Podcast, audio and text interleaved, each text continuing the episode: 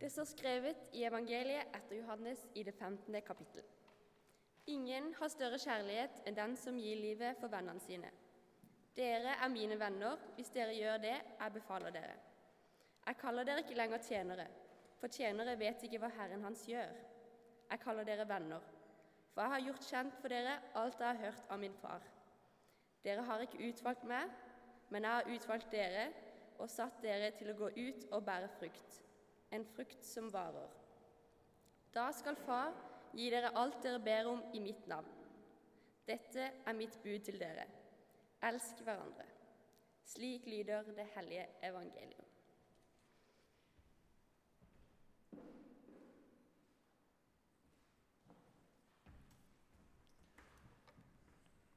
Yes.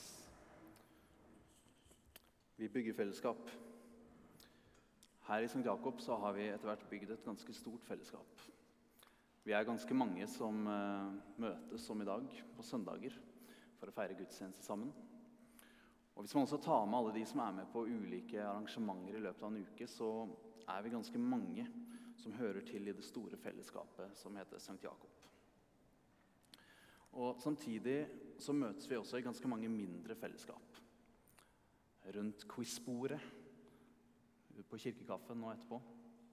I cellegrupper, i stemmegrupper på koret. Og vi trenger begge deler. Vi trenger et stort, hvitt fellesskap å høre til. Så trenger vi de små, nære fellesskapene. Og Et av disse mindre fellesskapene som vi har her i St. Jakob, og som ikke alle legger merke til sånn helt intuitivt, eh, fordi de jobber litt i det skjulte, det er gudstjenestekomiteen. Vi har rett og slett en gjeng som eh, møtes med jevne mellomrom, og så leser de det som er søndagens tekster. Og så snakker de om de, eh, gir oss prester noen innspill, velger noen salmer som passer. Altså, Det er ikke tilfeldig hvorfor alt dette glir så godt sammen. her. Gudstjenestekomiteen jobber i det skjulte. Og de eh, som sitter i den komiteen, de kommenterte en ting eh, som jeg også la merke til i det som var den siste teksten vi leste her nå. Jesus som sier Skal vi se, jeg skal ta, lese sånn at det blir helt riktig. Jesus som sier, 'Dere er mine venner hvis dere gjør det jeg befaler dere'. Er det en venneforespørsel som dere kjenner frister? Eh, jeg håper ikke dere har mange sånne vennskap, altså, hvor du blir, falt, blir befalt rundt her og der. Det, for meg så høres ikke det ut som en god start på noe som helst vennskap. Men det er heller ikke der vi er. Sant? Vi er ikke i starten. Vi er faktisk, Når vi leser dette, så er vi mot slutten av Johannes-evangeliet. I det som er Jesus sin avskjedstale til disiplene. Og Disiplene de vet nå ganske godt hvem det er som snakker til dem. De vet ganske godt hvem Jesus er. De har sett han endre livet til kvinnen ved brønnen.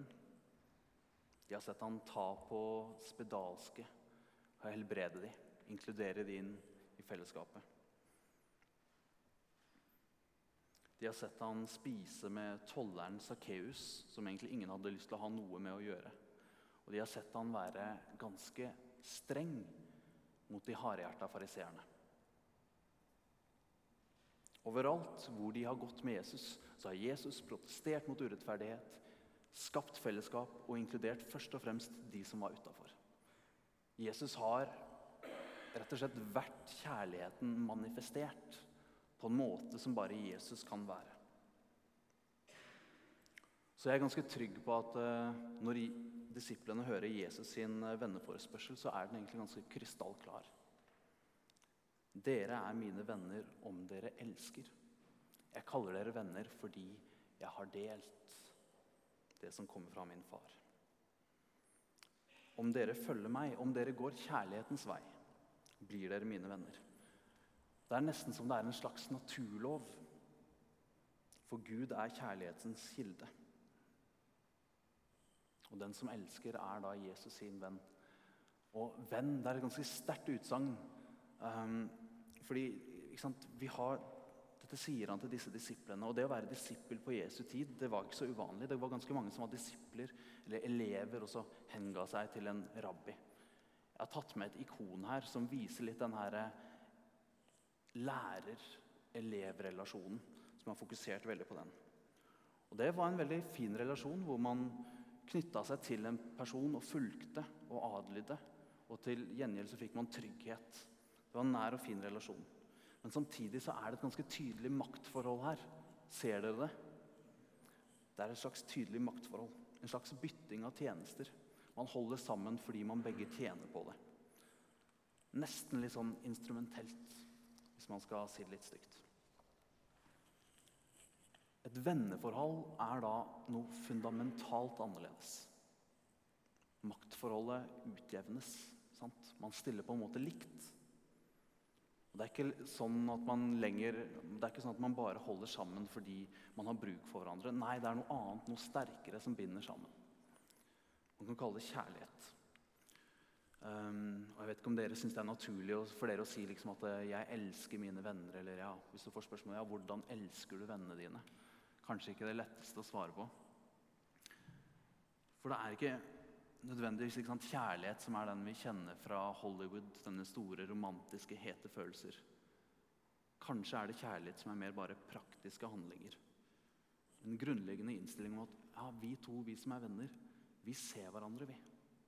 Vi vet at vi vil hverandre godt. Tenk å ha Jesus som venn. Som eh, er her avbilda med en som heter Menas og hans venn Jesus som står ved siden av og legger armen rundt. Tenk å ha Jesus som venn. I TC, hvor jeg har dratt en del år nå, så er de veldig opptatt av det. Og De viser veldig ofte til dette ikonet som kalles vennskapsikonet, som også står på alteret her nå. Menas med sin venn Jesus. Og En gang jeg var i TC, jeg tror kanskje det var første gangen, så ble jeg der oppfordra ganske tydelig liksom sånn Jeg syns du skal prøve en annen måte å be på. Jeg synes du eh, Hva med å prøve Hva hvis du ber som om Jesus satt ved siden av deg, og han var din næreste venn? Og Jeg prøvde det. Og Kanskje er dette noe som er helt naturlig for dere. Å be en bønn til Jesus som om han var din næreste venn som satt rett ved din side. Men for meg så var det en slags øyeåpner. At så nær kan Jesus være. Jesus sier at når vi elsker, så er vi hans venner. For kjærlighet det starter alltid i kilden, i Jesus.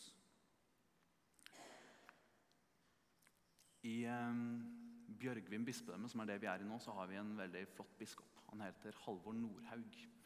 Vi har han i noen måneder til. Det er veldig bra.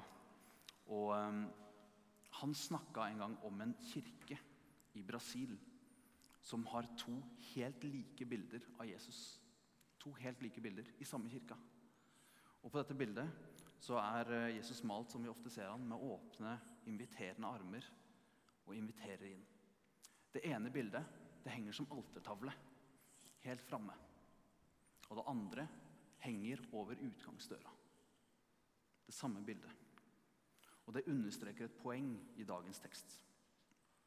Nummer én det starter alltid hos Gud, for Gud er kjærlighetens kilde. Og vi inviteres til å komme og ta imot denne kraften som er kjærlighet. I bønnen, i ordet, i nattverden som vi får her i gudstjenesten. Og i det, i det vi får vin og brød, så får vi del i Jesus sin kjærlighet, som er så sterk at han gir livet for sine venner. Det er det som er invitasjonen i den inviterende Jesus framme i alterbildet. Men poeng nummer to er like viktig. Nemlig at når man går ut av kirka, så står Jesus og inviterer oss der òg. I denne kirka i Brasil så blir man minnet på at man møter også Jesus i hvert menneske man møter ute på gata. Gjennom de menneskene vi møter, som vi er kalt til å elske, så møter vi Jesus. Jesus sier i en lignelse at det dere gjorde mot disse mine minste, disse mine minste søsken, det har dere gjort mot meg det er gudstjenesten som varer hele uka. Et kall om å se med Jesus sitt blikk. Stelle andre sår, kjempe mot urettferdighet. Og sette mennesker fri. Ikke bare de du møter på gata, men ja, folk i hele verden. Det er oppdraget. Ganske stort. Jeg håper folk blir motivert av det, ikke demotivert. Det er lett å bli demotivert av det, for det er jo et altfor stort oppdrag. sant? Ingen av oss kan klare det. Vi hørte tidligere om en mann som virkelig tok på seg Guds oppdrag. Han er den største profeten vi kjenner til fra Bibelen. Hans navn var Moses. Og han får en streng beskjed fra sin svigerfar, nemlig at dette er altfor tungt for deg. Du kan ikke gjøre det aleine. Så får han en sånn 101 i delegering. Du må delegere, for selv Moses trenger fellesskapet. Og når oppgavene blir delt utover, så får de til mer enn de hadde drømt om. Det handler om å fordele oppgavene. Um, og når jeg leser denne teksten, så det kan hende at jeg er blitt litt uh, høy på meg selv eller på vegne av dette fellesskapet her i St. Jakob. På torsdag så fikk vi nemlig en pris her i St. Jakob. Kan hende noen har sett det på Ja, takk, Juliane. Uh, kan hende noen har sett det på Instagram. Vi vant Bergen kirkelige fellesråd sin frivillighetspris. For nettopp det at vi deler opp oppgavene, og at mange er med og drar. Her i St. Jakob så er det Ja. Det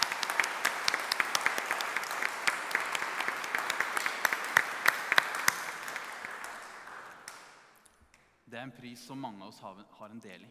Og Vi vant faktisk 25 000 kroner også, som går rett til arbeid her. Eller som vi kaller det i St. Jakob åtte stoler. Eh, eh, så det kommer veldig godt med. Um, for de som ikke vet det, så driver vi og samler inn penger til de siste stolene som vi trenger til dette kirkerommet. Så det ble vi veldig glad for. Og det er nettopp fordi vi er så mange sant, som drar, at vi klarer å bygge det arbeidet som er her nå. At vi klarer um, å ta imot flere. Og forhåpentligvis også se og inkludere inn flere folk inn i det varme fellesskapet her. Det er drømmen. At mennesker blir sett at de kjenner at her kan vi være oss selv. Og her kan jeg være med alt det jeg er. Jeg tror at Hvis vi får til det, hvis vi klarer å bygge sånne fellesskap, så er vi helt i kjernen av det kirka skal være. For Da fortsetter vi det som var Jesu sitt arbeid med å bygge disse gode fellesskapene hvor mennesker blir satt fri. Og i fellesskapet, i kjærligheten mellom oss, så blir vi også kjent med Gud. Jeg tenker den varmen i fellesskapet det er et kollektivt ansvar. Hvis du er ny her i dag, så kan du vite det at eh, det er ingen her i kirka som har som jobb å si hei til deg. Men jeg håper du blir sagt hei til allikevel. Vi tenker litt sånn på det at det er et kollektivt ansvar hvis alle gjør litt. Og um, jeg tenker at vi gjør det litt sånn fordi vi ønsker ikke et fellesskap som er satt sammen litt sånn instrumentelt At vi ser på hverandre som oppgaver. Nei, vi ønsker at det skal være vennskapelig. Det skal være drevet av kjærlighet. Det går ikke om én gjør det aleine, men om alle gjør litt. Når vi er mange som velger å bygge fellesskapet, når mange velger å skape den gode atmosfæren og gode kulturen, da får vi et fellesskap hvor Jesus er i sentrum. Du kan ikke gjøre det aleine. Det er som om disse ordene også ligger under noe annet som Jesus sier i dagens tekst. Dere har ikke utvalgt meg, men jeg har utvalgt dere og satt dere til å gå ut og bære frukt, en frukt som varer. Litt før vår prekentekst så omtaler Jesus seg som dette. Han sier dette. 'Jeg er vintreet, dere er greinene.' 'Den som blir i meg og jeg i ham, bærer mye frukt.' 'For uten meg kan dere ingenting gjøre.'